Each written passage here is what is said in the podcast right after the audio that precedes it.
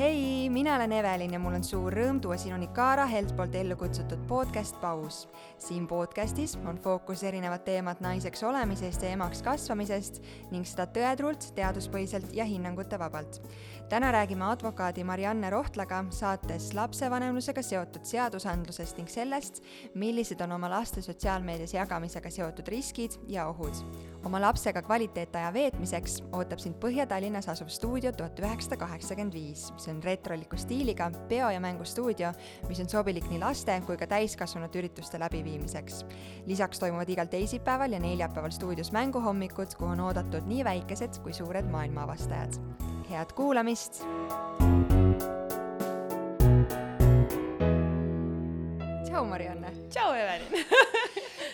kui ma ei eksi, siis äh, ma arvan, et äh, sa täna oled küll äh, lapsega pooleldi kodune ja pooleldi oled tööelus jätkuvalt, aga see töö, mida sa teed ja see valdkond, millega sa tegeled, et enamus inimesi siin maailmas ei taha kunagi sinuga kokku puutuda ja kunagi nendesse ruumidesse ja keskkonda sattuda, kus sa võib-olla igapäevaselt palju aega muidu veedad, on mul õigus? Äh, osaliselt mm. -hmm. sul on kindlasti õigus selles mõttes, et kõik eeldavad seda mm, -hmm. aga minuga on tegelikult väga tore olla samas ruumis, sellepärast et mina ei tegele perekonnaõigusega, vaid ma tegelen just selliste toredate asjadega, mis tulenevad Euroopa Liidu õigusest, ehk siis äh, alustades igasugustest nagu ettevõtetele suunatud kohustustest, aga tegelikult ka väga palju näiteks just tarbijatele, erainimestele kohalduvatest õigustest ja kohustustest ja samuti samuti ka olen kokku puutunud privaatsusõigusega. ja just seetõttu, et mul on nii lai äh, spekter valdkondasid, siis ma julgen arvata, et ma olen, aa no nüüd võib-olla peaks ütlema, et ma olen advokaat, et miks inimesed ei taha minuga onju ühes ruumis olla. et võib-olla tegelikult ma olengi üks selline nagu see hea advokaat, kellega on hea olla ühes ruumis, sest et minu käest saab küsida väga palju erinevaid küsimusi ja ma reeglina tean neile vastuseid, sest et mu töö lihtsalt hõlmab nii paljusid erinevaid äh, puslesid sellest õigus- ja ühiskonnaruumist. ja ometigi sa oled tegelikult väga noor ja samas väga äh, suurte kogemuste pagasiga ja pa rohkete teadmistega. ma julgen niimoodi väita kindlasti küll, jah. miks sa üldse õiguse oma eluteele valisid? ma ei tea see tegelikult äh,, see oli hästi nagu loomulik minu jaoks äh, see noh, kuna ma tulen, see on nagu nali ka, on ju, et äh, vene perekonnas on äh, lapsel alati valik, et mida ta teha tahab. et ta saab valida, kas temast saab jurist või arst ja siis äh, no okei okay,, see on nagu alati nali, aga kuidagi minu isa ka noh, andis selle niimoodi edasi, onju, et saad olla kas jurist või arst ja siis ma mingi no fine, ma siis noh, matet ei oska, keemiat ka mitte, et ma siis äh, lähen juurat õppima ja tegelikult ma tahtsin äh,, ma tahtsin kogu aeg saada teadlaseks, ma tahtsin nagu tegeleda õigusteadusega ähm,. see nagu soov kui selline ja ülikooli töö tööle minek, see ei ole veel kuhugi nagu noh, mu ambitsioonidest võib-olla ära kadunud aga nagu mida kauem ma siis nagu juurat õppisin, on ju, siis noh, tegelikult suht kiiresti sain aru, et et nagu, et õigusteadusega me noh, ainult selle teaduse tegemisega ma nagu noh, väga kaugele ei jõua, et ma ei jõua seda nagu praktilist elu väga palju mõjutada. Mm.. ja, ja siis ma käisin advokaadibüroodes äh, praktikal ja avastasin, et oo, et aga seal on nagu niisugune hea balanss, et äh, sul on, sa pead ühelt poolt tegema väga palju taustatööd kogu aeg selleks, et välja öelda mingi üks argument, aga see üks argument peab olema olema väga kaalukas, noh, et sa võid ju öelda vastaspoolele, et äh, sul ei ole õigus, aga sa pead alati põhjendama mm -hmm. nagu megalt, on ju, et et miks tal siis õigus ei ole. Ja siis see on selline hea balanss. Ja miks mul nii palju kogemusi on, on võib-olla sellepärast, et ma alustasin kõigepealt väikesest advokaadibüroost, kus ma pidin tegema juristina suhteliselt nagu kõike. Äh,, siis ma kas, sorry, ma olen seganud, kas ei ole mitte nagu äh, kõikide äh, Äh, puhul selles valdkonnas see alguspunkt, et sa peadki tegema kõike selleks, et sa saaksid spetsialiseeruda, spetsialiseeruda, spetsialiseeruda. kusjuures äh, mitte alati, ei, et mõnikord veab see, et kui sa lähed suurde advokaadibüroosse tööle, sa lähed kohe tööle kuhugi väiksesse rakukesse, noh nagu aga kui tõsiselt sind võetakse ikkagi alustava üldse ei võeta? ei võeta, ei, muidugi mitte, sa oled äh, sa oled kährik see on mingi juurateaduskonna selline no see võib olla, kuna mu abikaasa on ka advokaat, siis see on nagu meie selline omavaheline släng, et äh, ta oli minu, tema oli minu kährik kunagi okay., kui ta meile tööle tuli. Äh, ja siis äh, niimoodi me tegelikult temaga tutvusime ka, et me töötasime alguses ühes kohas, et see oli sihuke kerge suutsilik nagu selline suhte algus et äh, muidugi sa, tegelikult see on ju igas, igas noh, Junkru, Selli, õpipoisi amet ju keskajast põhimõtteliselt tuleb ja nagu advokaaditöö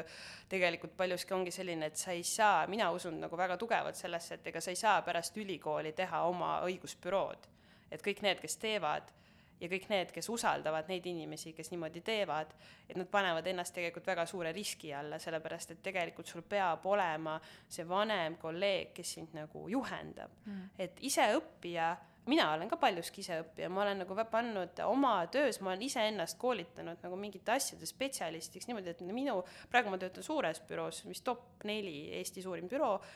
ja aga ka selles suures büroos ei ole nagu inimesi, kes nagu mingeid küsimusi oskaksid äh, peale minu nagu lahendada. aga, aga see ei tähenda nüüd nagu seda, et ma oleksin nagu saanud nagu kohe pärast ülikooli seda hakata kohe tegema, sellepärast et mul puudub see äh, advokaadina sa pead olema pooleldi ka psühholoog mm., pooleldi nagu selline äri, ärilise mõtlemisega, isegi kui sa aitad oma ema või vanaema nende mingi või oma sõpru nende eraküsimustes, sa pead ikkagi nagu suutma mõelda, nagu vaatama sellist globaalset pilti ja seda alati, või noh, suht kindlalt alati ei õpi ise nagu, no sa võid käia koolitustel võib-olla, aga see võtab kõik aega, on ju. Mm. ja selleks ongi hea, kui sul on olemas nagu inimesed, vanemad kolleegid, kes sind aitavad ja minul tegelikult nagu vedaski, et minu esimene selline juhendaja oli nagu väga kõrge egoga mees, kes arvas endast äh, kui spetsialistist väga hästi. ta oligi, ta ongi, tähendab, ta ongi väga hea, väga hea advokaat äh, ja ja tema just nagu ka õpetas nagu sellist väga nagu loogilist mõtlemist ja seda huvi erinevate asjade tundmise, tähendab jah, erinevate asjade vastu huvi tundmist et äh, väga palju ma praegu näen seda just nagu noorte, nooremate kolleegide pealt, et et noh, palud neil vastata, noh, leida mingile küsimusele vastus ja siis noh, nad leiavad selle ühe seaduse nagu sätte ja siis näed, et palun, et näed, et vastus on siin seaduses kirjas. aga noh, see ei ole nii, et noh, et kuna nagu seadus on alati peegeldus ju päriselust, noh, see ei ole kunagi ei käi niimoodi, et et kõigepealt on seadus ja siis me nagu korrigeerime oma elu nagu seaduse järgi, ei, et see käib nagu vastupidi ja siis nagu, ja kui sa nagu viitad seadusele, siis tegelikult selleks, et su argument oleks mõjus, sa pead tooma kogu aeg näiteid nagu, noh, sa pead nagu viima kokku selle päriselu ja seaduse ja seda päriselu ja seaduse kokkuviimist on noh, peab alati põhjendama veel juurde nagu vot ja siis äh, ja siis igal juhul äh, just sellise mõtteviisiga ma siis äh, olengi jõudnud tegeleda vist põhimõtteliselt kõigega, kuni ma ei tea, maksuõigust ma tõesti ei tee. Et nagu see nagu absoluutselt ei toimi, et et täpselt nagu ma tegelikult alustasin ka, et äh, noh, Euroopa Liidu õigus ju tegelikult tähendabki seda, et kõik olulisemad õigusvaldkonnad, mis meid üldse puudutavad, sest et kõik asjad on Euroopa Liidu tasandil, mis on vähegi olulised, on äh, kõikides liikmesriikides äh, reguleeritakse noh, võrd-, võrdlemisi sarnaselt. Äh, ja tööõigusega tegelen ma ka, sest lihtsalt see on nii eluline, et, et see on noh, kuidagi okei okay,, ma lihtsalt sellega tegelikult oli lihtsalt see, et mu ema oli personalijuht väga pikalt ja siis tal no oli nii. kogu aeg vaja, et keegi aitaks teda. nüüd on ta muidugi karjääriredelil edasi liikunud ja enam ta minu nagu seda tööõigusalast nõu ei vaja. ja mina ka enam nagu nii primitiivset nõu ei anna, et, et noh, tööõigus ei ole ka ainult mingi töölepingute sõlmimine, et see on ka palju rohkemat, et eriti praegustel nagu kriisiaegadel paraku, kus peab äh, aitama ikkagi töösuhteid ümber kujundada väga palju suurematel ettevõtetel, kes peavad töötajatest lahti või noh, töötajaid siis äh, suunama ära oma ettevõttest, ütleme niimoodi, sellepärast neil lihtsalt ei ole võimalik selle, neid töösuhteid jätkata. et noh, jah, nii, nii see on meil on täna väga põnevad ja võib-olla ka mingil määral intrigeerivad saateteemad äh,, aga ja me kohe jõuame selleni, aga ma ei saa küsimata jätta seda, et äh, sa tõid välja ka, et su, su äh, abikaasa on samuti advokaat. kahe advokaadi vaheline suhe, kui palju te argumenteerite ja kogu aeg üksteisele nagu fakte esitate? no see on äh, mega lahe, mulle täiega meeldib, et me, et mu elukaaslane või noh, no abikaasa, me just abiellusime alles suvel, sellepärast väga siuk... raske on seda sõna abikaasa, ma tean, meil on umbes sama. jaa et me isegi vist abiellusime suht mingi sama lähestiku kuupäevadel mm -hmm. nagu. ja siis lapsed sündisid ka veel lähestikku. jaa ja nimed on neil ka peaaegu sarnased, vot. et, ähm, et see on, meil praegu toimib see niimoodi, et meie oma kingsepa kingad on alati katkised, okei okay?, et äh, omavahelistes suhetes meil ei ole mingit nagu, aa, näed, ma lugesin nagu seda raamatut ja sellepärast sa pead oma jalanõud ära koristama et meil ei ole sellist asja, küll aga mis on nagu üli awesome on see, et me saame teineteisele peegeldada oma neid tööalaseid muresid ja meil on selline rutiin, et esiteks, ja see on nagu suht algusest peale põhimõtteliselt olnud, et kui tööpäev algab, et siis me räägime läbi, et mis meil nagu täna plaanis on. Ja see on nagu väga hea sihuke step by step alates sellest nagu mingitest olmeasjadest, et näe, ma lähen teen seda ja siis vahetan auto rehvid ära ja siis helista sina elektrikule ja mingi sihuke jutt, kuni nagu mingi, et aa ja siis ma lähen nagu kohtusse ja ma vaidlen seda teemat nagu ja siis ja siis mina olen ka mingi omaette mingi, et näed, ja siis mina kirjutan seda memo ja nõustan nendel küsimustel, et ilmselgelt me ei saa nagu kliendi nagu detailidesse võib-olla väga minna, aga noh mu abikaasa pool on võib-olla veits teine asi, sest et tema on põhimõtteliselt alati ka ajalehtedes nagu mingit pidi figureerib, ehk siis me käime nagu võib-olla neid mingeid asju läbi, et ta tuleb näiteks õhtul koju, siis ma ütlen, näed, et ma lugesin Delfis seda, et kas see oli nii, siis ta on mingi ei olnud.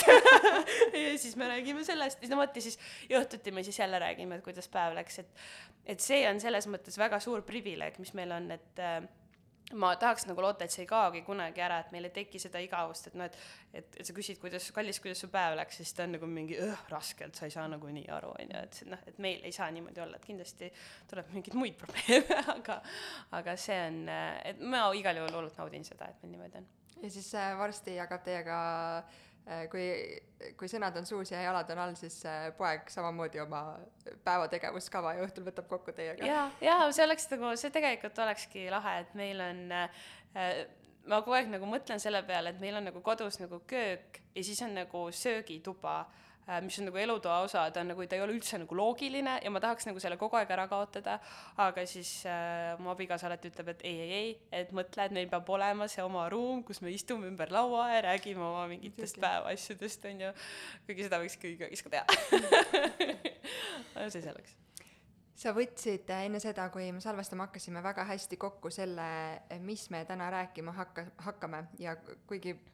ma umbkaudu tean, millest me räägime, vastasel juhul ma seda saadet siin sinuga teha ei saaks, siis ma lasen sul seda ise tutvustada, sest sa võtsid selle õigete sõnadega, õigete terminitega väga hästi kokku. meil on kaks fookust äh, tänasel saatel. jaa um,, no kuidas äh, ma siia saatesse üldse sattusin, oli ju see, et me ju sinuga tutvusime selles äh, rasedusaegses joogas, on ju mm, -hmm. ja mhm. rasedus kui selline emaks ja lapsevanemaks kasvamisel me väga palju keskendume lapsele, lapse heaolule kui sellisele, noh, et ta nagu noh, sünniks hästi ja temast saaks nagu inimene, on ju. ja kuidas lapsest inimene saab, äh, noh, laps äh, sünnib siia ilma, et ta kohe äh, saab endale õigused koheselt nagu, tal kohe tekib õigusvõime, see tähendab seda, et ta saab näiteks, äh, põhimõtteliselt tal tekib ka õigus näiteks eraelule, mingid põhiõigused on lapsel juba kohe olemas. küll aga ta ei saa neid ise kasutada. Äh, lapse õigusi kasutab äh, tema eest lapsevanem. Ja see nüüd ongi see üks teema, on ju, me räägime täna nendest laste õigustest, millega siis, ja nüüd tuleb see teine teema, et millega lapsevanem peab ise hakkama arvestama, sellepärast et saadeks Äh, saates lapsevanemaks äh, me tegelikult omandame ühiskonnas täiesti teistsuguse rolli, ähm, meist saab kellegi seaduslik esindaja juriidilises äh, tähenduses, aga see tähendabki seda, et järgmised no ütleme nii neliteist kuni kaheksateist aastat tegelikult me kanname mitte ainult nagu iseenda eest vastutamise koormat, mis tegelikult on väga raske, Äh, ka nagu teise inimese eest otsustamise koormat, nagu mis, äh, kui me selle peale ei mõtle, äh, noh, ei tundu väga oluline, aga kui me selle peale mõtlema hakkame, siis see tegelikult nagu no võib ikka päris nagu aju krussi ajada küll, jah. et ma võib-olla nagu jätkakski nagu kohe siit, on ju, et need ongi siis nagu kaks asja, millega me tegelikult lapsevanemana peamegi noh, arvestama, on ju, et esiteks laps, lapsega seotud äh, seadused, lapsega seotud kohustused. Alustame sellest, et äh, kõigepealt noh, milliseid õigusi me tahame oma lapsele nagu anda, kas me tahame või noh, millist, millistest õigustest me tegelikult nagu või millistele õigustele me tahame äh, tähelepanu kõige rohkem juhtida, on ju, mis on meie jaoks olulised? Ähm,. ilmselt me tahame, et ta noh, et ta oleks nagu terviklik inimene, et tal oleksid omad, et me ei piiraks teda mitte, mitte millestki, noh ilmselt äh, ma arvan, et ma praegu sihin oma jutuga sinna, et äh, mis on väga suur probleem just nagu lääne ühiskonnas, on just seesama see lapse, mõlema lapsevanema olemasolu ja mõlema mm -hmm. lapse hoole olemasolu. et meil on äh, laste õiguste konventsioon, mis väga tegelikult äh, lakooniliselt kirjutab, et lapsel on õigus äh, mõlemale vanemale, tal on õigus oma vanemaid tunda, tal on õigus saada hoolt mõlemalt vanemalt, on ju et äh, noh, see kõik, noh, meil see väljendub väga nagu selliselt noh, külmalt, jäigalt, kõik need hooldusõiguse vaidlused, äh, elatisrahad, hüvitised, toetused, aga see on ka võib-olla nagu alati asi, mille peale ema, isa alati kohe ei mõtle, kui nendevahelised suhted sassi lähevad, on ju.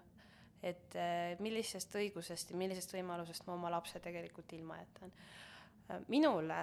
noh, see on minu enda isiklik valik, et mina ei aita inimesi sellistes küsimustes, sest et see tundub minu jaoks liiga raske, aga meil on väga palju häid spetsialiste, kes sellega tegelevad. ma arvan, no see ei ole selle saate fookus, aga noh, ilmselt on see, et äh,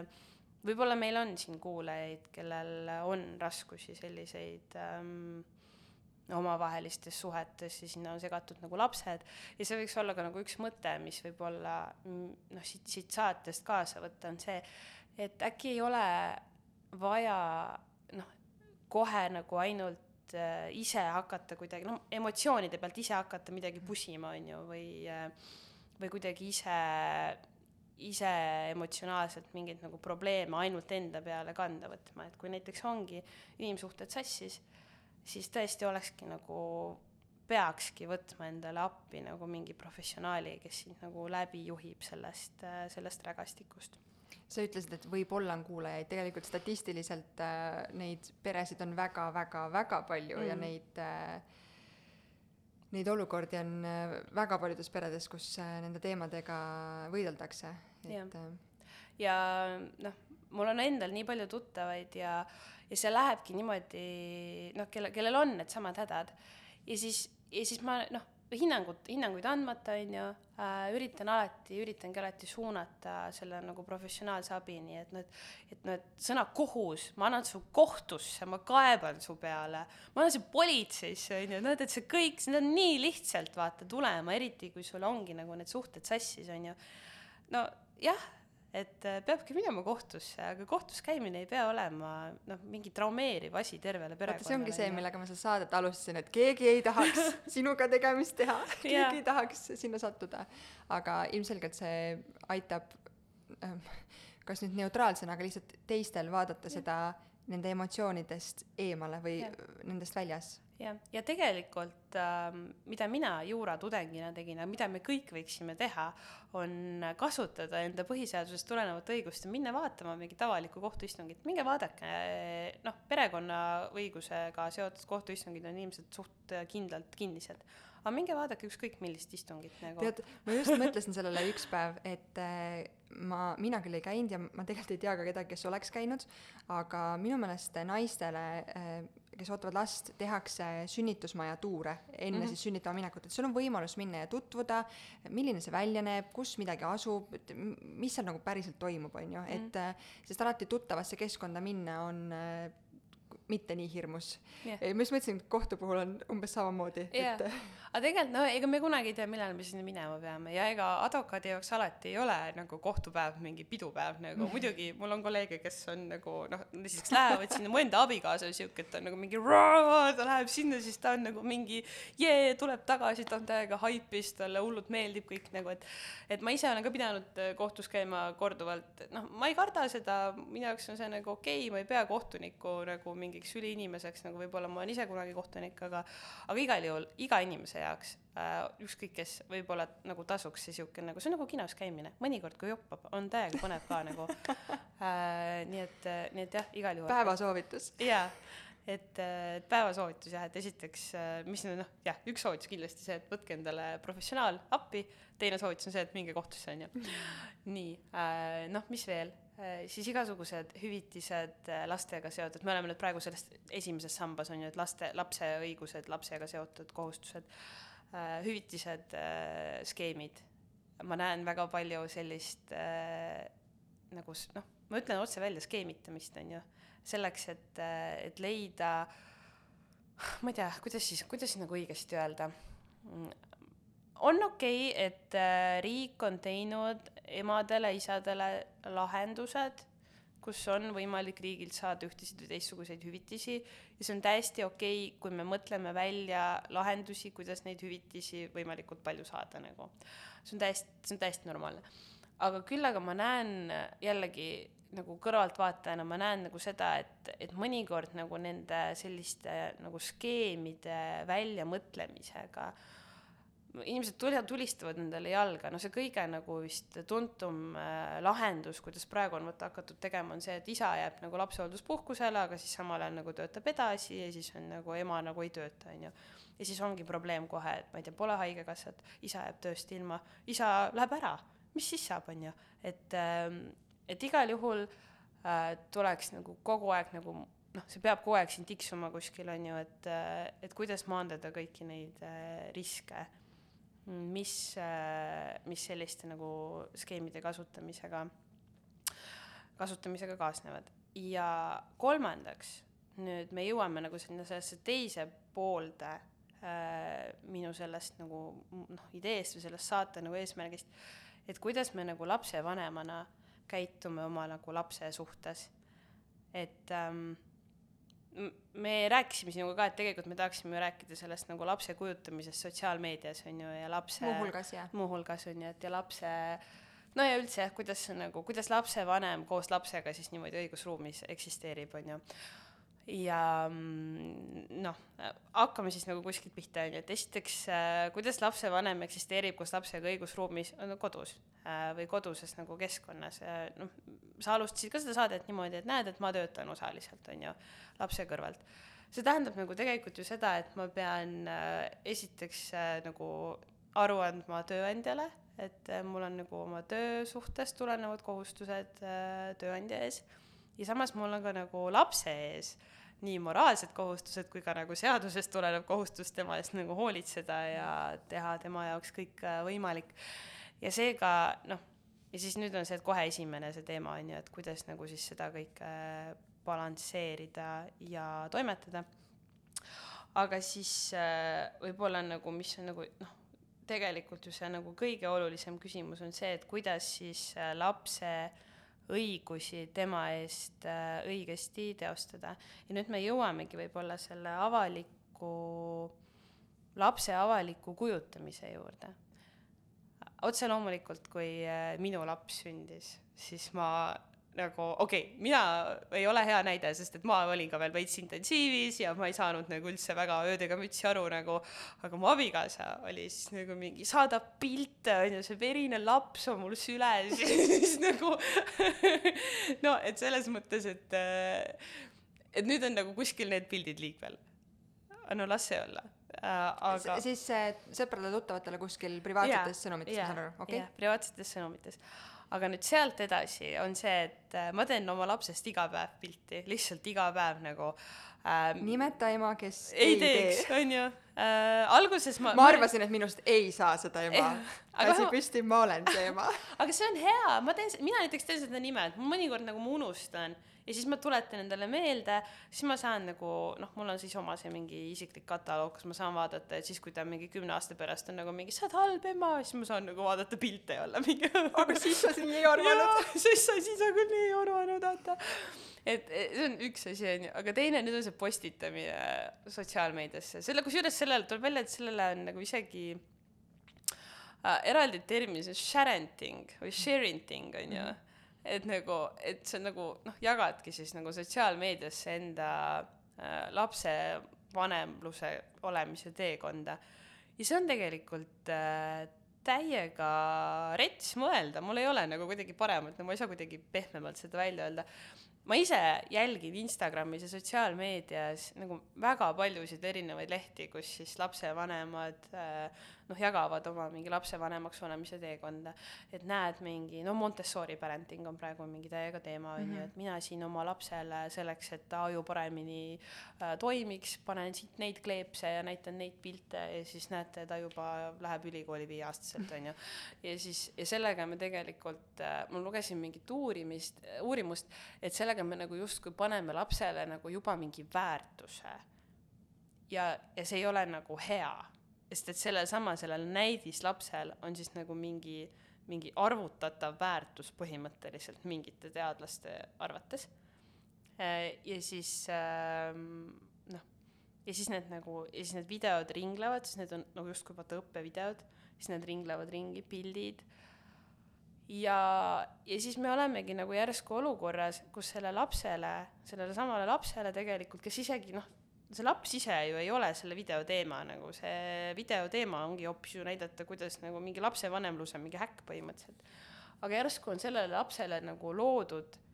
nagu tema nagu, nagu turvalisest privaat, turvalisse privaatruumi on loodud nagu selline noh, auk põhimõtteliselt, kus nagu seda tema sama privaatsfääri on võimalik äh, kuritarvitada mm. -hmm ja seda tegi see lapsevanem ise teadlikult, kasutades tegelikult oma, või noh, kasutades ära, tegelikult ka rikkudes oma lapse siis õigust sellele eraelule. noh, tegelikult väga haige mõelda, on ju sa ise tegid lapsevanemana, lapsevanem ise tegi selle otsuse, et nüüd ta paljastab oma lapse seda eraelu, lapsed, noh, laps ei anna ju nõusolekut ähm, oma nagu pildi äh, kasutamiseks, noh, ta ei saagi seda anda, sellepärast et noh, kellele ta annab, lapsevanemale, lapsevanem on lapse seaduslik esindaja, noh. Nii see on um,. ja kusjuures Euroopa Inimõiguste Kohus näiteks on äh, öelnud, et tegelikult ilma loata pildistamine on inimõiguste rikkumine ja siis me oleme selles nagu skisofreenilises olukorras kogu aeg, on ju. ja no ja, ja mis see siis, ja mis siis saab um, no vot, et mis siis saab, ma olen nagu veidi uurinud nagu selle kohta ka, et mulle teadaolevalt ei ole veel ühtegi sellist nagu kohtulahendit, kus laps oleks oma lapse, oma vanemad just nagu selle tõttu kohtusse kaevanud, vähemalt mitte Euroopas, et me ei saa sellest nagu rääkida, aga aga, aga no meil on ilmselt varsti jah, tule nagu põlvkondade kaupa neid, neid lapsi, kelle nagu lapsepõlve mingid nagu tükid põhimõtteliselt on nagu internetis kõik laiali. Mm, ja noh nagu hüpates nagu natuke nagu võib-olla teise teema juurde, siis needsamad lapsevanemad on nii teadlikud tegelikult. Äh, me oleme lapsevanematena nii teadlikud äh, oma laste õigusest, meil on, me oleme teadlikud äh, väga sellest, et meil on õigus keelduda mingitest asjadest, no ma räägin tegelikult ju vaktsineerimisest, on ju, et me nagu teame, et meil on õigus otsustada ise oma lapse tervise üle ja siis me kasutame seda õigust otsustada üht või teistpidi, me kas lubame mingeid meditsiinilisi protseduure teha või mitte. Privaatsusõigusega on samamoodi, me kas lubame teha oma lapsest näiteks klassipilti või mitte.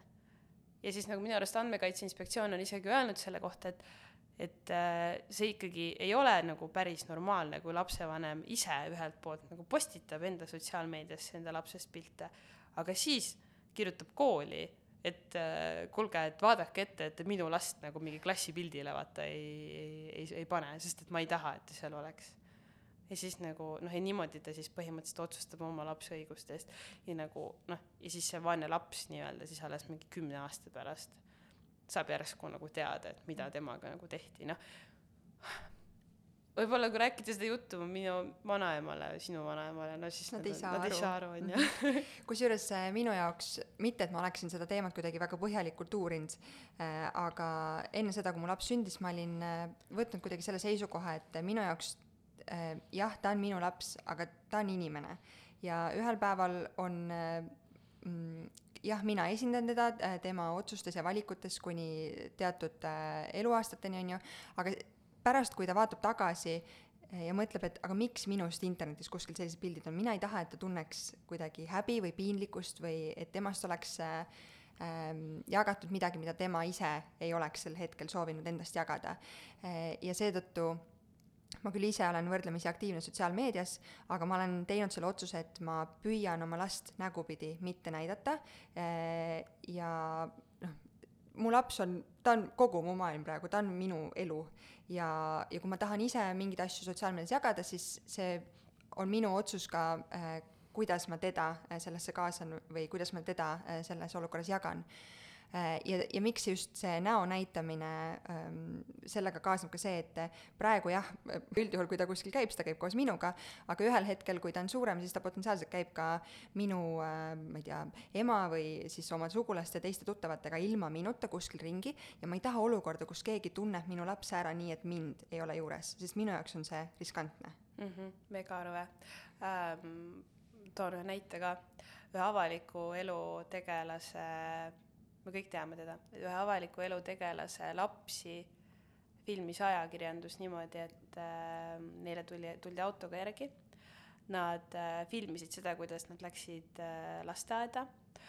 äh,, kuidas nad, siis nad jälitasid neid autoga äh,, seda autosõitu kuni koduni, filmisid neid äh, lapsi äh,, kuidas nad koju lähevad.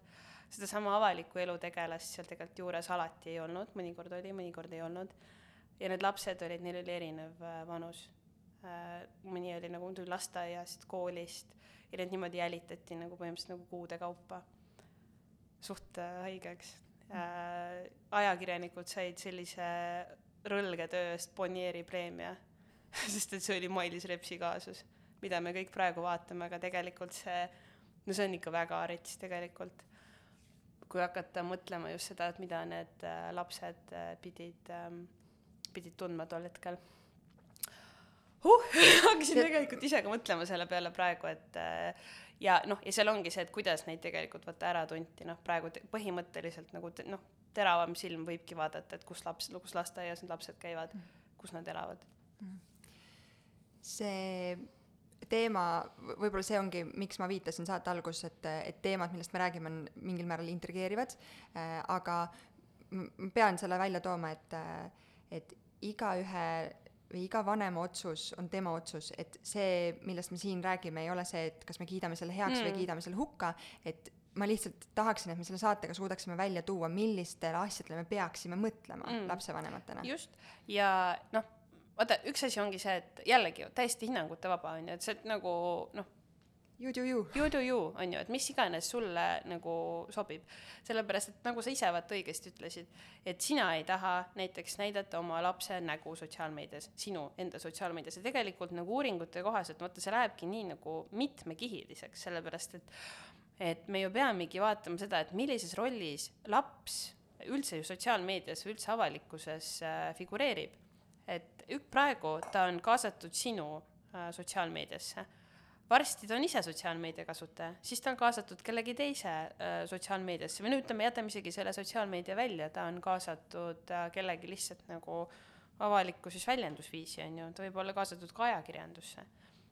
et äh, noh, meil on mingid piirid jällegi, on ju, et ajakirjandusele ja isikuandmete töötlemisel on kindlad piirid nagu, et siin, siin me ei saa nagu olla mingi, et you do you, on ju, vaid siin on ikkagi see, et äh, seadus lihtsalt ei luba teha mingeid asju, on ju, et ongi, et äh, et see on juba ka inimõiguste kohtu praktikast läbivalt ikkagi läbi käinud, et äh, kui sul on, jällegi on ju, et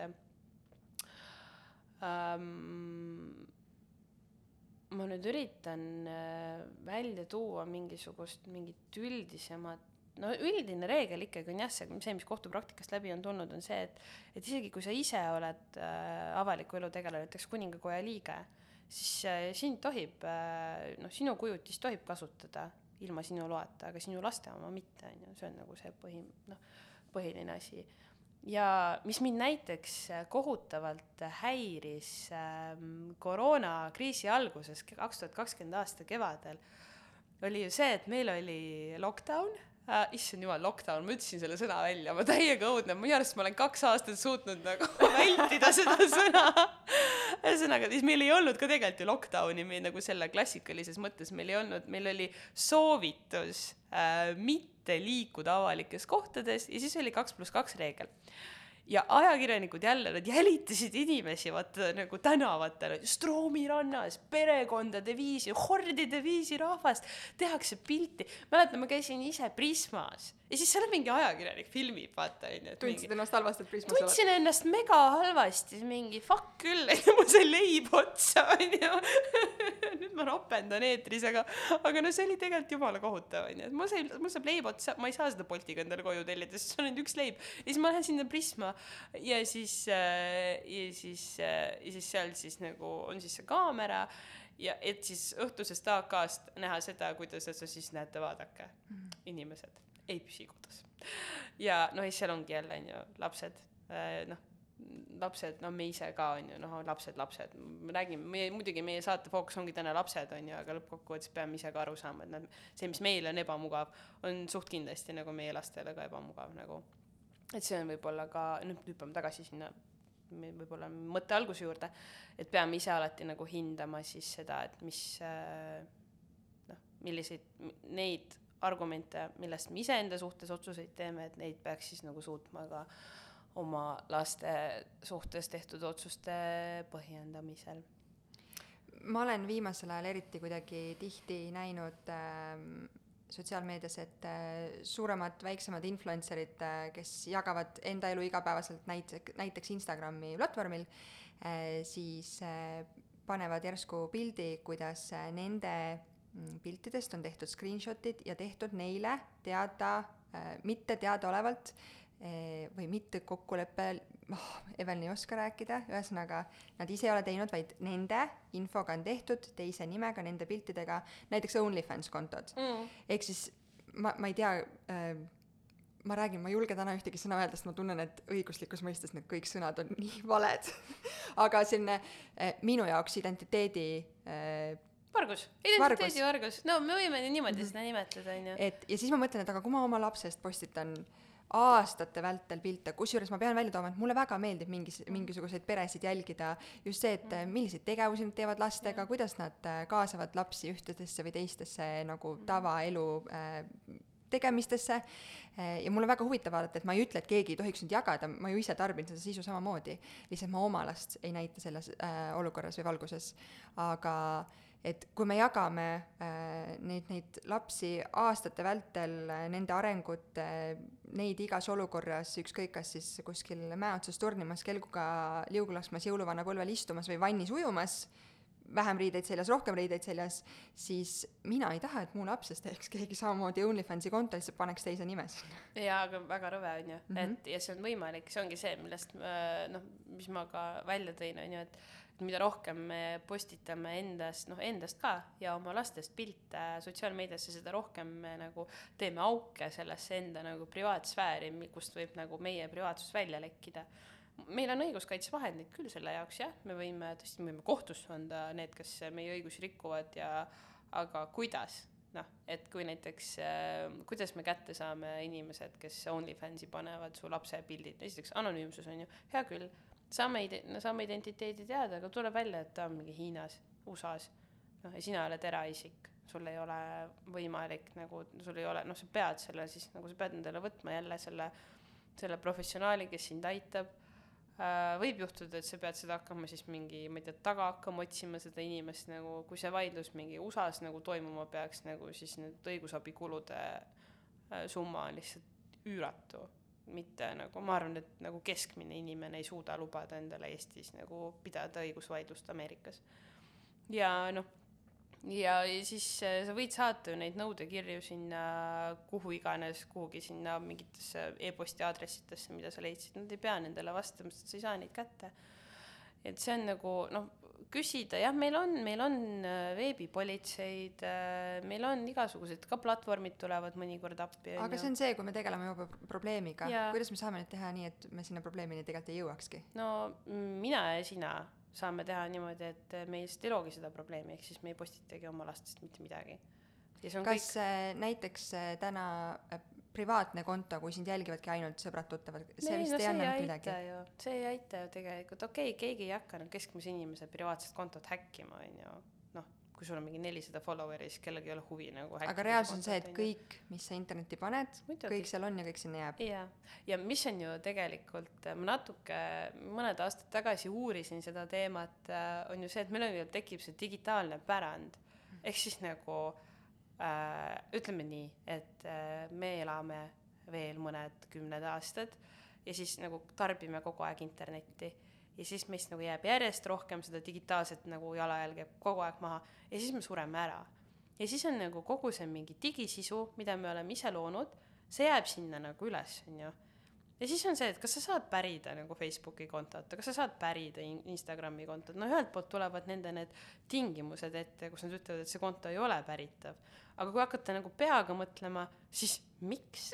Noh, tegelikult nagu seal on minu enda loodud sisu, minu enda nagu mingi intellektuaalne omand, ütleme,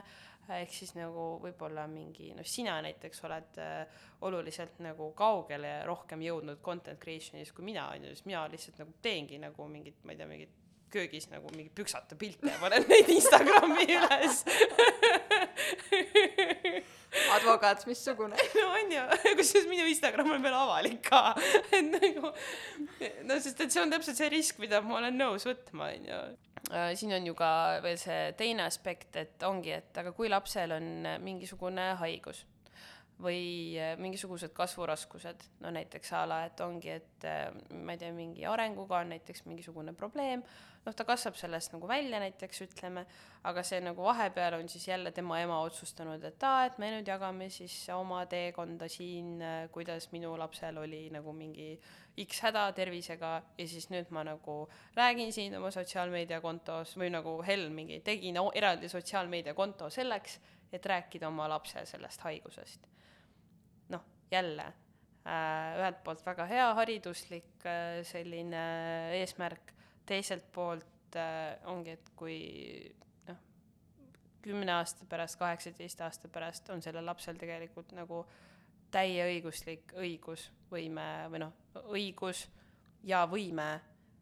otsustada siis enda content'i üle, mida ta tahaks siis, et temast nagu internetis on ja juba on nagu terve internet täis ujutatud seda, kuidas äh, mingid aastad tagasi tal oli mingisugune terviseprobleem. ja kui nagu noh, ja siis ongi see, et jälle mingid inimesed teavad täpselt siis nagu kuidas, nagu kuidas tal oli, kuidas tal ei olnud, et ähm, no siis on lihtsalt see, et kuidas seda inimest mitte või noh, kuidas sellel inimesel ei oleks halb tulevikus on see, et ta ema peab siis nagu talle ise või ema isa, ma ei tea, miks ma kohe eeldasin tema nagu isa võib ka vabalt olla see, see, kes sellist nagu sisu toodab, et noh, et lapsevanemad igal juhul peavadki siis talle selgitama, et näed, et sinu lapsepõlv möödus muuhulgas ka siis nagu avalikkuse tähelepanu all. aga kuidas see nagu tegelikult, no siit nüüd tuleb juba see psühholoogiline aspekt on ju, et kuidas see tegelikult sellele inimesele siis mõjub, kui ta sellest teada saab see on juba teine asi, et noh, siin jällegi vaata minu nagu ma ei saa anda hinnanguid nagu advokaadina on ju, ma saan lihtsalt nagu öelda seda, et nagu, et õigusruum on selles mõttes nagu suhteliselt nagu välja arenemata, et äh, noh, meil on mingisugused, võib-olla oled ka kuulnud, on ju, et sul on õigus olla unustatud, on ju, et sul on õigus nõuda mingite andmete kustutamist internetis, kui need ei ole enam asjakohased. Noh, see õigus nagu tuleb küll otse jälle seadusest, aga noh, siis on jälle vaata see, millest me rääkisime siin saate alguses, et kuidas nagu see tegelik olukord selle seadusega kokku läheb, on ju see, et seadus ütleb, et äh, sul on õigus olla unustatud, sa ei saa siis minna kohtusse ja olla nagu mingi tere! Ma tahaksin kasutada oma õigust olla unustatud Google'is. Ja siis nagu noh, ja siis, ja siis noh, reaalsus on see, et äh, Google ei kustuta su andmeid ära nagu selle peale vaid selle, noh, sellele nagu järgneb mingisugune megakeeruline vaidlus nagu, kus siis hakatakse kaaluma, kas need andmed on siis asjakohased või ei ole, nagu kus sa ise olid, kas sa andsid nõusoleku ei andnud, nagu okei okay,, see ilmselt ei ole see teema, aga noh, põhimõtteliselt seal on väga palju nüansse, on ju. jah kas äh, kuskilt jookseb piir äh, just seadusandluse poolest ka see, et milliseid pilte me tohime oma lastest teha ja millised on juba piiridest väljas, ei ole mm? -hmm. ei ole. no meil on nagu, no lapspornot ei tohi toota on ju, et lapsporno valmistamine, tootmine on karistatav äh, kriminaalkorras. Äh,. noh, aga see on ka vaata ju see, et mis asi on lapsporno, on ju et, et ärme unusta nüüd nagu seda kurikuulsat äh, Kaur Kenderi kaasust, on ju, kus me lõpuks nagu mingi riigis moodustati pornokomisjon ja siis hakati analüüsima tekste, issand, ma mäletan, see oli nii kohutav, sellepärast et meil oli, no see oli nagu see sõnavabaduse teema juba, on ju, ja ja siis ma olin ise samal ajal ülikoolis ja töötasin samas büroos, mis selle kasvusega tegeles. ja siis äh, minu kursaõde äh, äh,, millegipärast oli nagu just selles nagu õigusliku argumentatsiooni aines äh, õppejõud oli mingi, et okei okay,, aga teeme nüüd mingi ad hoc sellise vaidluse, et ühed on nagu selle poolt, et Kaur Kender süüdi mõistetaks ja teised on selle vastu ja siis äh, mina sattusin täiesti puhtjuhuslikult sinna leeri, mis oli selle vastu, noh, mul ei olnud selle vastu mitte midagi, aga siis ma nagu mingi nagu kursusõde lihtsalt tõusis püsti ja siis argumenteeris seda, seda oma nagu seisukohta umbes nii, et ma ei ole küll seda roppust lugenud, aga see on ikka täiega rõve, mis ta tegi. Ja siis ma lihtsalt olen nagu mingi, mis toimub? Et no see oli kõrvalepõige, aga noh, igal juhul see vastus sinu küsimusele on jah see, et et esiteks nagu kuritegu ei tohi toime panna, aga siit edasi, äh, kui seda piiri ei ole ületatud, siis äh, ei ole kuskil midagi kirjas. Ja siis võibki tulla mingi suvaline tädi ja olen nagu mingi suht rõve oli ja noh, mis sa siis teed? Kas sinu enda jaoks isiklikult on mingisugused äh, mm, oled sa mingid piirid tõmmanud, milliseid pilte sa oma lapsest teed, noh, vannis ujub, lahe, minu arust see on nagu milstone, ikka teed ju pilte, laps on valmis jaa, ei ma vist teen nagu kõigest pilti üldse, nagu kõigest, esiteks äh, mu ema on nagu väga selline käed külge vanaema et äh, ta tahab kõike, ta tahab olla väga kaasatud, noh, ta kasutab nagu meie vormi lapse kasvatamisel, et siis meie peame hakkama tegelema tema hambaste tulekuga ja meie peame tegema sellega. Ja nagu, ja see on kui, väga kui su ema praegu seda kuulab, siis ta ilmselt kratsib kukalt ja mõtleb, et okei okay,, ma järgmine kord ütlen, et sina. ei, ei, ei, vaevalt, sellepärast et ükskord äh, ta oli, ta, ma mäletan nii hästi seda, ta oli äh,, sõidame autoga kuhugi ja siis ema mingi, tead mul on tunne, et äh, Lennartist, no see on mu lapse nimi, temast saab minu sõber, ma kohe vot tunnen, et meist saavad sõbrad ja siis mu isa on nagu mingi, kõik tunnevad seda, et meist saavad sõbrad niimoodi kuidagi väga nagu mm.. vot, et, et igal juhul, äh, kui nüüd see kõrvalepõige jälle välja jätta, et siis äh, et ma teen nagu kõiki pilte, igasuguseid pilte, aga nüüd on see, et ma nagu ei jaga neid tõesti noh, kõigiga, et ma olen nagu sotsiaalmeediasse pannud äh, ühe pildi, kus ma olen nagu mu mees ja mu koer ja mu laps ja see on profifotograafi poolt tehtud ja see on meie vastremonditud köögis ja ma olen lihtsalt nii mega uhke selle üle, et mul on nagu köögiremont ja mul on sihuke mees ja sihuke koer ja selline laps. aga nagu vaevalt, et ma noh, mul kõiki neid tuhandet pilti, mis mul on juba kolme kuuga tehtud, nagu ma kindlasti kuskile jagama ei hakka, et esiteks, no selles mõttes, et esiteks ongi, et minu lapse privaatsfäär, minu enda privaatsfäär ja teiseks nagu tegelikult kedagi ei huvita mu lapse pildid, see on ka, mida võib-olla peaks ka nagu värsketele vanematele kuidagi rohkem meelde tuletama, nagu et see on sama nagu kutsikaga, vaata, et kui su kutsa on nunnu siis see ei tähenda seda, et terve maailma arust on ta meganunnu, nagu on kassiinimesed, on mingi rotiinimesed ja siis nad ei taha su koera pilte vaadata, onju. ja lastega samamoodi, et äh, mul on nagu ka tuttavaid, kes lihtsalt spämmivad oma neid lapsepilte nii palju ja siis ma olengi, et jälle esimene mõte on see, et nagu mingi tore teine mõte, no sihuke sarkastiline tore onju. ja teine mõte on see, et et kas sa tõesti ei arva, et nagu noh et, et sa tõesti ei arva, et, et nad võib-olla neid pilte ei peaks nagu nii palju olema, no aga jätkuvalt vaata you do you, et noh. okei okay,, aga äh, nüüd võttes arvesse seda, et äh, sa ütlesid, et sa pildistad kõike, sul on neid pilte tohutult palju, siis äh,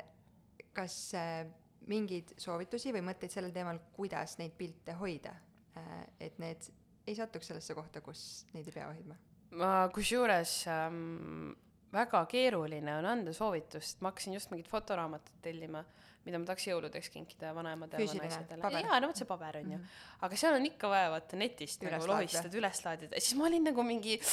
ma ei tea, kas see on ikka turvaline koht, kus nagu seda teha, on ju, ja mingi, siis mingi hullult pikalt juurdlesin seda, see on ka tegelikult täiesti uskumatu, kuidas nagu ema aju töötab niimoodi et sul on nagu, sul ongi pidevalt mingi kaheksa tääbi lahti nagu, sa oled pidevalt nagu mingi, et okei okay,, et nagu nii, laps magab. mitte brauseris, vaid peas. jaa, peas on ju, ja siis oled nagu mingi nii okei okay,, et nagu laps magab, nüüd ma lähen teen seda, aga kui ma seda teen, siis nagu, siis, siis ma teen seda, seda, seda ka ja siis nagu, siis hakkad seda tegema, seda ühte asja ja siis sa oled nagu mingi oota, aga siin on veel nagu mingi veel seitse erinevat nüanssi, millele ma peaks mõtlema, onju. et no mina. ja siis kuskilt tuleb mingi heli, aga täpselt ei saa, millisest täpist see tuleb. ja, ja, ja siis on mingi mm,, mul on nagu üks nagu konkreetne laul veel ka nagu kummitanud enamusest, mille pealkiri on Psycho Killer nagu, mis, mis ma ilmselt varsti olen nagu samas tempos edasi jätkan. aga igal juhul ähm, mu ainus soovitus tegelikult, no ja see ei ole isegi nagu advokaadi soovitus, pigem nagu inimese, kes on juhuslikult õigust õppinud andnud soovitus ongi see, et, et ma ei tea, tee oma uurimustöö ära, vaata, mis allikaid sa kasutad, kuhu sa neid nagu pilte jagad, maanda oma riskid põhimõtteliselt, kui sa oled, noh, ongi, et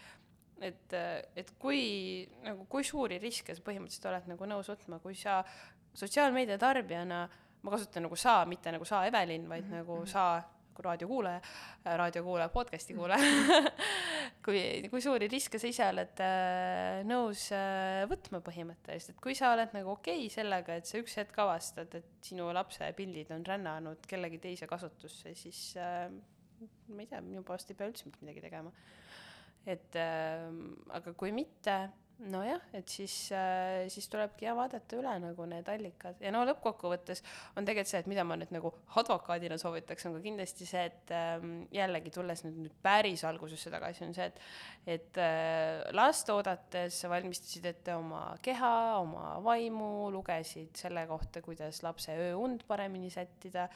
aga nagu ma ei tea, guugelda lihtsalt nagu löö lihtsalt Google'isse korra sisse, ma ei tea, mingi lapse õigused, sotsiaalmeedia laps, sotsiaalmeedia õiguskantsler, sotsiaalmeedia laps, noh, mingeid siukseid suvalisi asju, nad ei pea hulluks minema nagu, aga lihtsalt nagu korra vaata üle, et eh, noh, millises nagu sfääris sa põhimõtteliselt nagu liigud. Ja no ongi, et kui ei saa, kui ei saa hakkama, siis no nüüd ma räägin juba mingitest nagu võib-olla õigusvaidlustest ja sellistest asjadest, kui ei saa hakkama, siis eh, no minu arust nagu laps ei ole see koht nagu, kust nagu peaks nagu kokku hoidma. et kui on ikkagi nagu lapsele liiga tehtud, kas eh, sotsiaalmeedias või kuskil mujal, siis eh, ja ise ikka hakkama ei saa, siis äh, kui oled ikka suutnud osta Merino villaseid kombekaid, siis äh, tuleks ikkagi võtta ka see nagu samm ja leida endale nagu selline professionaalne õiguskaitse ka. et siis äh, see, ma ei tea, miks ma niimoodi nii kuidagi nagu, nagu hin-, hindavalt seda ütlesin praegu nagu mingi, et noh, et, et mm, et äh, tegelikult see on ikkagi ju, ma arvan, et see on nagu noh, südamest tulnud soovitus, mida ma olen tegelikult oma karjääri kohal, no karjääri jooksul näinud ja kusjuures ma avastasin, et, et ma olen juba nagu üheksa aastat õigusvaldkonnas töötanud äh, nagu kuidagi otsapidi. et see on tegelikult pikk aeg, arvestades seda, et ma olen kakskümmend kaheksa. vot, kogemust on. jah. kas ähm, on midagi, kui me selle sotsiaalmeedia jätame kõrvale, kas on midagi veel, mis sa näed ähm, kas lihtsalt olles see, kes sa oled, või siis ka advokaadina, et midagi äh, õiguslikus vaates värsked lapsevanemad jätavad või unustavad äh, vaadata või, või tähelepanu pöörata? Enda käitumisele tuleb tähelepanu pöörata, et tegelikult, et millist eeskuju me lapsele anname. ma jäin täna siia hiljaks äh,, sellepärast et ma sõitsin autoga valesti ja siis ma kiirustasin ja siis ma ületasin kiirust. ja siis ma hakkasin järsku mõtlema, et nagu, et kui ma nüüd ületan kiirust ja siis ma saan trahvi. Ja siis nagu noh, mina saan trahvi praegu ja ilmselt ka olen kunagi saanud äh, politseilt trahvi kiiruse ületamisest ja tõenäoliselt saan seda tulevikus ka äh,, minu jaoks, no ma ei taha nagu, no see ei ole minu jaoks maailma lõpp aga Aus. samas, jaa, aga samas ma ei tahaks nagu anda oma lapsele äh, eeskuju, nagu sellist eeskuju, et nagu mingi kuhugi kiirustamine on okei okay või seaduse rikkumine on äh, normaalne asi nagu, et äh, et seega nagu noh, see on, see on see, et me oleme teistsugused ühi-, me nüüd lapsevanemana, me oleme teistsugused ühiskonnaliikmed, me oleme mitte ainult nagu nagu sa ei, me ei ole ainult nagu emmed ja issid nagu, vaid me olemegi konkreetselt, me oleme õpetajad nagu, kuidas olla toimiv ühiskonnaliige.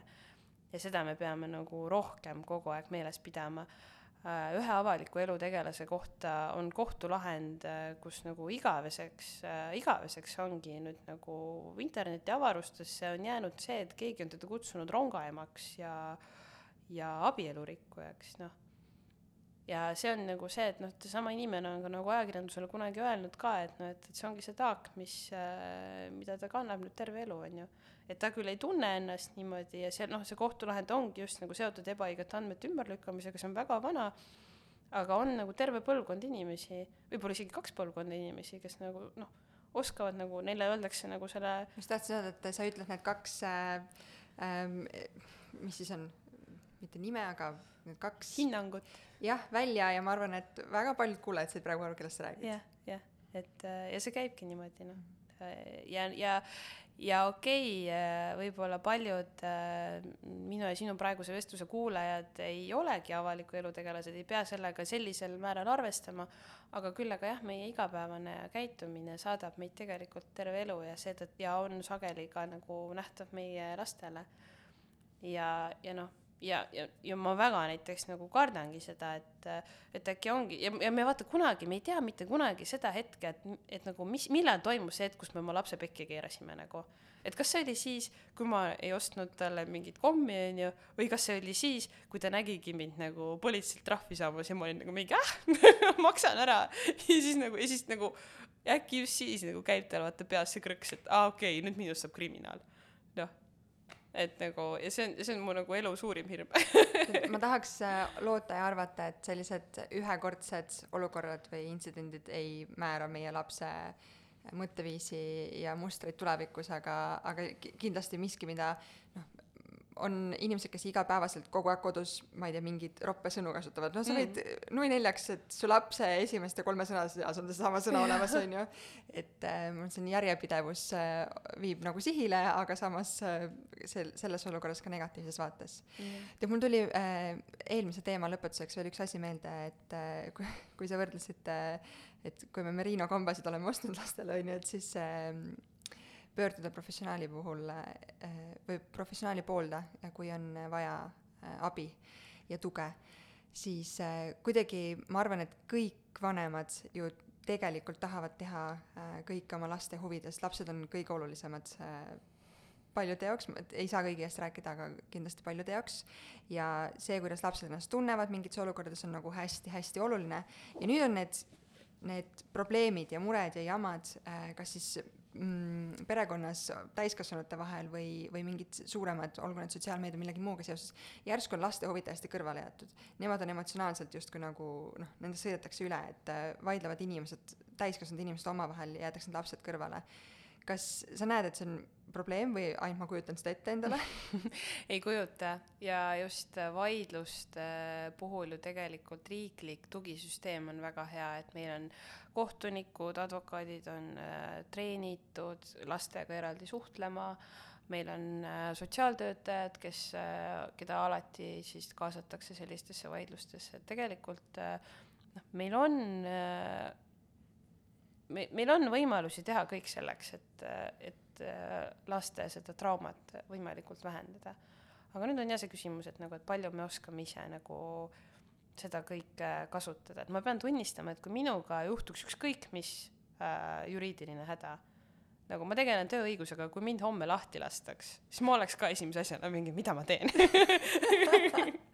et, äh, et öelda, et iga inimese jaoks on, äh, on tema mure kõige suurem äh,. kui mure tekib, siis äh, mõnikord suht sageli on vaja nagu sellist kiiret esmast abi,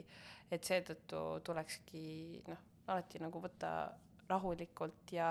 noh, mis võib-olla veel on nagu minu elukutse puhul ongi see, et neid eelarvamusi on nii palju, et äh, advokaate on kõik vihanud nagu mingi no, konkreetselt kõik vihanud ka jälle mingi keskajast saadik nagu, et äh, Martin Luther ütles, et advokaadid on pahad kristlased nagu et äh, no et, et see on ja noh, see käib siiamaani niimoodi onju et mu enda naaber küsis äh, mu käest, et kuidas me öösiti magame ja ma arvan, et äh, väga hästi magame, sest me teeme tegelikult oma tööd äh, südame ja ja hoolega ja tegelikult kindlasti mitte omakasust lähtudes. vot, et seega ja kui jääb noh, advokaaditeenus, ma noh, ma ei hakka nagu valetama ka, et see on kallis, see on kallis sellepärast, et me näeme selleks palju vaeva Äh, me õpime palju, meid äh, koolitatakse kaua, seesama see ju-, see õpipoisi periood, äh, kus me ei tööta iseseisvalt, vaid me vaid me oleme siis nii-öelda see abistav jõud, see on esiteks koormav sellele büroole, kus me töötame, ja ka teiseks, see on ka koormav meile, sellepärast et me ei saa nagu siis palju raha või midagi, see ongi nagu rohkem niisugune õppimisperiood nagu mida tavaliselt tehakse kooli kõrvalt, ehk siis on topeltkoormus. ja kui siis nagu meist kunagi saab see professionaalne teenuse osutaja, siis me teeme endast nagu kõik oleneva, ehk siis mina vahetan äh, klientidega kirju, võtan nende kõnesid vastu ka varahommikul, ka hilja õhtul äh,, lihtsalt äh, selleks, et äh, noh, et inimene tunneks ennast tegelikult hoituna ja, ja ma arvan, et äh, noh, ja lisaks muidugi on meil jällegi ka riiklikud nagu meetmed selleks, et seda kallist teenust ka kuidagi nagu soodsamalt saada. et äh, jah, et kindlasti see on nagu see, mida, mis nagu, millest noh, kõik kogu aeg räägivad ja ka mina räägin, et ei, ei tasu peljata nagu seda abi küsimist. aga noh, tuleb lihtsalt siis ka nagu tõesti arvestada seda, et tasuta nagu seda tööd keegi ei tee. -hmm. Aga noh, nii see, nii see, nii see paraku käib, jah kas on midagi, mida sa enda lapse kasvatamisel teed äh, kas teistmoodi või, või noh, just selle põhjusega nii, et äh, sa oled kuidagi oma töö tõttu kokku puutunud sellega või näinud mingeid lugusid või, või kuidagi, et oled oma tööst lähtuvalt võtnud mingi seisukoha, kuidas sa oma last kasvatad täna mm,? hea küsimus. kindlasti, kindlasti, kindlasti neid kohti on jah, aga ma ei oska öelda, mis need on, sellepärast et äh, ilmselt see tuleb jooksvalt. Noh, praegu mu laps on kolmekuune, ma ei ole, mul ei ole ühtegi olnud ühtegi kolmekuust klienti, on ju. täiega, on ju, et võiks nagu noh, teha ju midagi, võiks oma firma alustada. no absoluutselt no okei okay, äh,, ma tegelikult toon ühe näite, et äh, ma olen äh,, ma tegelen näiteks ka toiduõigusega. toiduõigus, issand, ma võiksin, me võiksime veel rääkida nagu megalt sellest, kuidas nagu ma ei tea, me peaksime nagu miks on oluline, et me hästi toitume ja kuidas tegelikult kõik juuraga seotud on. jah ja, väga põnev, nii, äh, paneme saate, järgmise saate kirja. okei okay, um,, igal juhul et võib-olla tõesti, et näiteks ma oskaksin või noh, oskan kuidagi veel kriitilisemalt, on ju, lapse söömise teemad on üldse ju täiesti nagu nii keeruliseks puhutud, on ju, ja mina ilmselt oskaks nagu veel kriitilisemalt vaadata seda, et mida ma talle nagu täpselt ostan, mis seal paki peal kirjas on um,. noh, siis samuti ka nagu kõik need nagu mingid ökomärgised, mingi roheline valik, jätkusuutlikkus, on ju, et um, võib-olla jälle on ju, et hetkel nagu oskan võib-olla paremini teha oma tarbimisvalikuid, sellepärast et ma nagu vaatan seda, et kuidas, kuidas nagu noh, võib-olla oskan paremini läbi näha mingitest nagu reklaamitrikkidest, mis on tegelikult tehtud rohepesu eesmärgil, on ju, et eh, noh, et, et see on hetkel see. ilmselt kui ta nagu vanemaks saab, siis äh, jälle näen nagu mingisuguseid äh, kohti. ma ei tea jah, see on huvitav, ma arvan, et see nagu, see tuleb ikka äh, nagu väga, tegelikult ma noh, ma ootan seda aega, iga uut päeva, mil mu laps on jälle päeva võrra vanem, sest ma alati õpin siis midagi, aga ma nagu ka väga kardan, sellepärast et ma ei kujuta ette nagu, kuidas kogu selle nagu kogemuste ja elamuste ja murede koormaga nagu hakkama saada, noh, et et iga kord, kui tal on nagu midagi viga no et ta kasvõi nagu ma ei tea, et nagu vaatab mind veits valesti, siis ma lihtsalt mingi kõik, ma ei suuda enam. Ma annan alla, ma olengi mingi, kirjutan oma emale, et kuule, sulle meeldib ta rohkem, et muuseas, kas sa äh, oled muretseja tüüpi? Ma olen, ma olen suur muretseja ja oo oh,, siit ka minu soovitus. minu arust äh, ainult muretseda tulebki nagu ma ei oleks mure... osanud oodata seda. ei, muretsemine viib meid edasi. kui me ei muretseks, siis me ei tunneks huvi, kuidas oma seda, sellele murele leevendust leida ja kui me ei tunne huvi, siis me ei nagu ei õpi ja ei arene et ma olen nagu mega muretseja ja ma olen täiega uhke selle üle. okei okay,, aga mu küsimuse teine pool äh,, väga hea mõte sinu poolt muidugi, aga kas äh, äh, lapsevanemaks saamine on sind, sinust või sinu muretsejast teinud veel suurema muretseja? jaa, ma äh,, jah mul on jah nagu,, mul ka nii raske on elada mul on nüüd ikka nagu päris nagu ärevushäired nagu sellised, et nagu, et silme eest läheb mustaks ja vahepeal ikka nagu käed värisevad nagu niimoodi, et ma pean lapse ära panema, sellepärast et see on lihtsalt nagu kohutav. Äh, just nagu see lapsega seotud mure. tööalaselt, varem ma muretsesin tööalaselt ka mõnikord niimoodi, aga, aga nüüd ma olen nagu tööalaselt, ma olen nagu palju sennim. nagu varem oli nii enne lapse saamist ma näiteks öösel saan nagu mingeid e-kirju, siis näen nagu hommikul ärkan, võtan telefoni kätte, näen seda Outlooki seda kirja, on juba mõtlen, et mis järgmine mingi hinge nagu kriipiv probleem mind sealt telefonist ootab, mingi käed värisevad, onju. aga nüüd on see, et nagu, et võtan selle telefoni nüüd, kuna ma ärkan kell neli hommikul äh, suht sageli, siis võtan telefoni on mingi, oo näed, kellelgi on jälle mingi megakeeruline probleem, noh mis seal ikka, hakkame pihta. Et äh, aga kõik, mis puudutab nagu last või nagu vähegi tema mingit nagu temaga seotud mingeid muresid nagu, siis mul lihtsalt nagu katus nagu sõidab täiega, et ma pean sellega tegelema kunagi, aga hetkel ma kuidagi saan sellega niimoodi hakkama, et lihtsalt ongi, et tugivõrgustik on lihtsalt nii hea, et ma saan nagu lihtsalt nagu oma need mured ära ventileerida. nii et ma saan aru, et sinu poolt tuli ka siit see kolmas soovitus, et tugivõrgustik on oluline. jah, et ta on jah, et igat äh,, igatpidi, kasvõi nagu see, et kui keegi nagu ära kuulab, et vahepeal ma nagu tunnen, et ma olen nagu liiga teinud ühele oma sõbrannale, ta sai väga varakult emaks ja siis ta nagu noh, ta ei küsinud kunagi kellegi abi, ta sai alati ise hakkama nagu endaga. Aga, aga ta mõnikord nagu pildus nagu sellist nagu noh, mingit teksti, et ah, et ma muretsen nii palju, et mul on nagu pidev mure oma lapse pärast. Ja, ja et noh, et kuidagi nagu, siis ta ütles seda alati nagu niimoodi nagu poolnaljaga et mulle tundus see nagu pigem nagu sellise nagu noh, sellise kuidagi nagu esinemisena vaata, et noh, et umbes vaata mind, vaata mind, mul on laps ja ma olen nii mures, aga ma olen nagu fake mures, ma olen nagu veits mures, aga nagu see ei ole üldse mure. ja, ja nüüd tegelikult no tema laps on nüüd äh, palju suurem kui minu oma ja nüüd mina alles hakkan teda nagu aru saama, et aa, et tegelikult võib-olla ta noh, tahtis äkki, tahtis äkki päriselt nagu abi ja see oligi tema see ainus nagu viis, kuidas seda teha iseenda üle nalja. ja ma lihtsalt nagu, no ma ei saa öelda, et ma ei pakkunud talle seda, ma pakkusin alati, et nad minu küll abi, nad, kuna mina nagu tol hetkel ei osanud nagu lapsega midagi peale hakata, et mina pigem alati pakkusin nagu sellist noh, tahad, ma koristan nagu või tahad, ma tulen nagu toon sulle süüa või midagi, millest ta alati nagu keeldus aga jah, ja siis, ja siis nagu näengi näiteks, et mingi Instagrami postitus on see, et nagu, et issand jumal, ma muretsen oma lapse pärast, aga siin on teile pilt mu lapse tagumikust no mingi sihuke teema. aga tead, mul on tunne mm,, ma pean ennast küll võrdlemisi empaatiavõimeliseks inimeseks, aga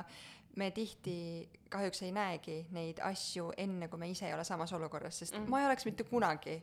mitte kunagi näinud probleemi midagi meie ülilahedates trammides, mulle täiega meeldib trammiga sõita, kui ma autoga ei sõida, siis ma sõidan hea meelega trammiga, ma kindlasti ei taha sõita bussi ja trolliga, aga trammiga ma sõidan ja ma ei näinud küll mitte kunagi mingi probleemi, et lapsevankriga oleks seal keeruline mm. kuidagi sisse mm. välja saada mm., ka nendest madala sisenemisega ja mingid noh, täiesti sellised elulised asjad, mida sa enne lapsevanemaks saamist lihtsalt yeah. ei näe, nii et ma arvan, et ei tasu ennast pahasti tunda, su sõbranna kindlasti annab sulle andeks ja siis, eh, kui tulevad kunagi järgmised lapsed, siis te saate lihtsalt olla rohkem toeks selle võrra äkki. no ma ei tea. no vaatame ma seda asja, jah. aga see on jah, tegelikult väga huvitav, et mina olen nagu seni ikkagi üritanud äh, sellele põhimõttele kindlaks jääda, et näiteks äh, ma elan äh,, noh, mis ma ei hakka igaks juhuks ütlema, kus ma elan, aga ma elan ühes linnaosas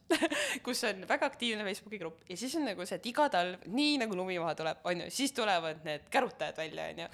ja siis nad on äh, kergelt emotsionaalsed äh, ja väljendavad ikkagi nagu pahameelt selle üle, et noh, et äh, tänavad on lumest koristamata ja siis on killustik ja käruga on halb sõita ja ma olen nagu aastaid teinud nalja nende üle, on ju, et mis asja, on mingi kõnni teisel pool teed. Ja nüüd ma olen samas olukorras, aga ma ei ütle mitte midagi, ma kannatan kõik ära, ma ostsin endale selle emaljunga vankri onju, millel on see mega hea see vedrustus. Ja siis ma lihtsalt olen nagu mingi jah, tõesti veits keeruline, aga ma ei ütle mitte ühtegi sõna, sellepärast ma pean jääma enda põhimõttele kindlaks ja olema lihtsalt mingi, ma pean ära kannatama no ma arvan, et päris kõike kannatama ei pea, tasub oma hääl kuuldavaks teha ka, aga, aga we got the point, et äh, lihtsalt ei näe neid asju enne, kui sa tegelikult ise selles olukorras ei ole. jah, no ma arvan, et see on nagu, see vaata nii subjektiivne ka onju, et kuidas nagu ma ei tea, vot jah, et ei, ei oska vot öelda, sest tõesti no ma võib-olla isegi te-, noh, see on, vaata, see on minu arust, see on selline diskussiooni point on ju, et, et äkki ka midagi peaks kannatama või siis vähemalt jääma enda põhimõtetele kindlaks, on ju, et, et minu mees küll äh, läks nagu, tema muutus nagu täiesti nii, nagu me siit sünnitusmäest välja tulime.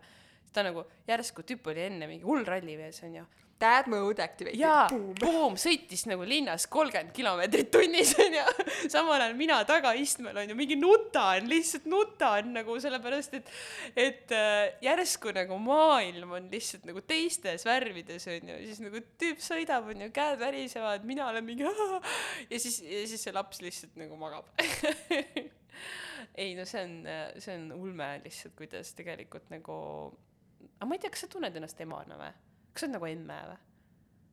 no see, et ma enda kohta emme ütlen, ei tähenda, et ma kohe automaatselt olen, aga vist ikka tunnen jah, aga mul vahepeal läheb meelest ära, et mul laps on. on ju? et mul on ka nagu võtab harjumist või? võtab kolme kuuga veel ei ole päris ära harjunud. ma, ma tahaks loota, et ma, mulle on mõned öelnud, et noh, et siis kui laps teismeliseks saab, onju, et mingi lõ- või lõpetab, vaata kas lasteaia jaa, või lõpetab lasteaia või kooli või mingi sihuke nagu mingi suurem mingi sündmus on siis järsku, et mingi vau wow,, et ma olen nagu lapsevanem. no et, et tegelikult kogu see meie tänane vestlus ongi olnud see, et sa pead endale meelde tuletama, et sa oled eeskuju ja lapsevanem. aga jah, et ma vist, ma ka ei tunne ennast emmena, et pärast seda, kui mul see kõht järsku ära kadus nagu, siis ma mingi no ja siis, aga väga äge on tegelikult nagu see ka, kuidas sa iga päevaga nagu noh, kuidagi omandad seda elukutset, siis uut elukutset uuesti, see on põnev. kuule, aga see on üks äh, lahe mõte, millega see saade lõpetada ja ma saan aru, et järgmine kord siis oli, et kuidas äh, toiduained ja juura on väga omavahel seotud, et mis see teema meil järgmiseks korraks oli kuidas toit meid tapab uh,? tuleb äh, uueks aastaks valmis panna, võtame ette midagi lahedat. ja kindlasti on kellelgi ka muidugi põnevamaid teemasid, aga me võime mõelda selle me peale. võime rääkida veel. aitäh sulle, Mariann. aitäh sulle, tšau. tšau, tšau.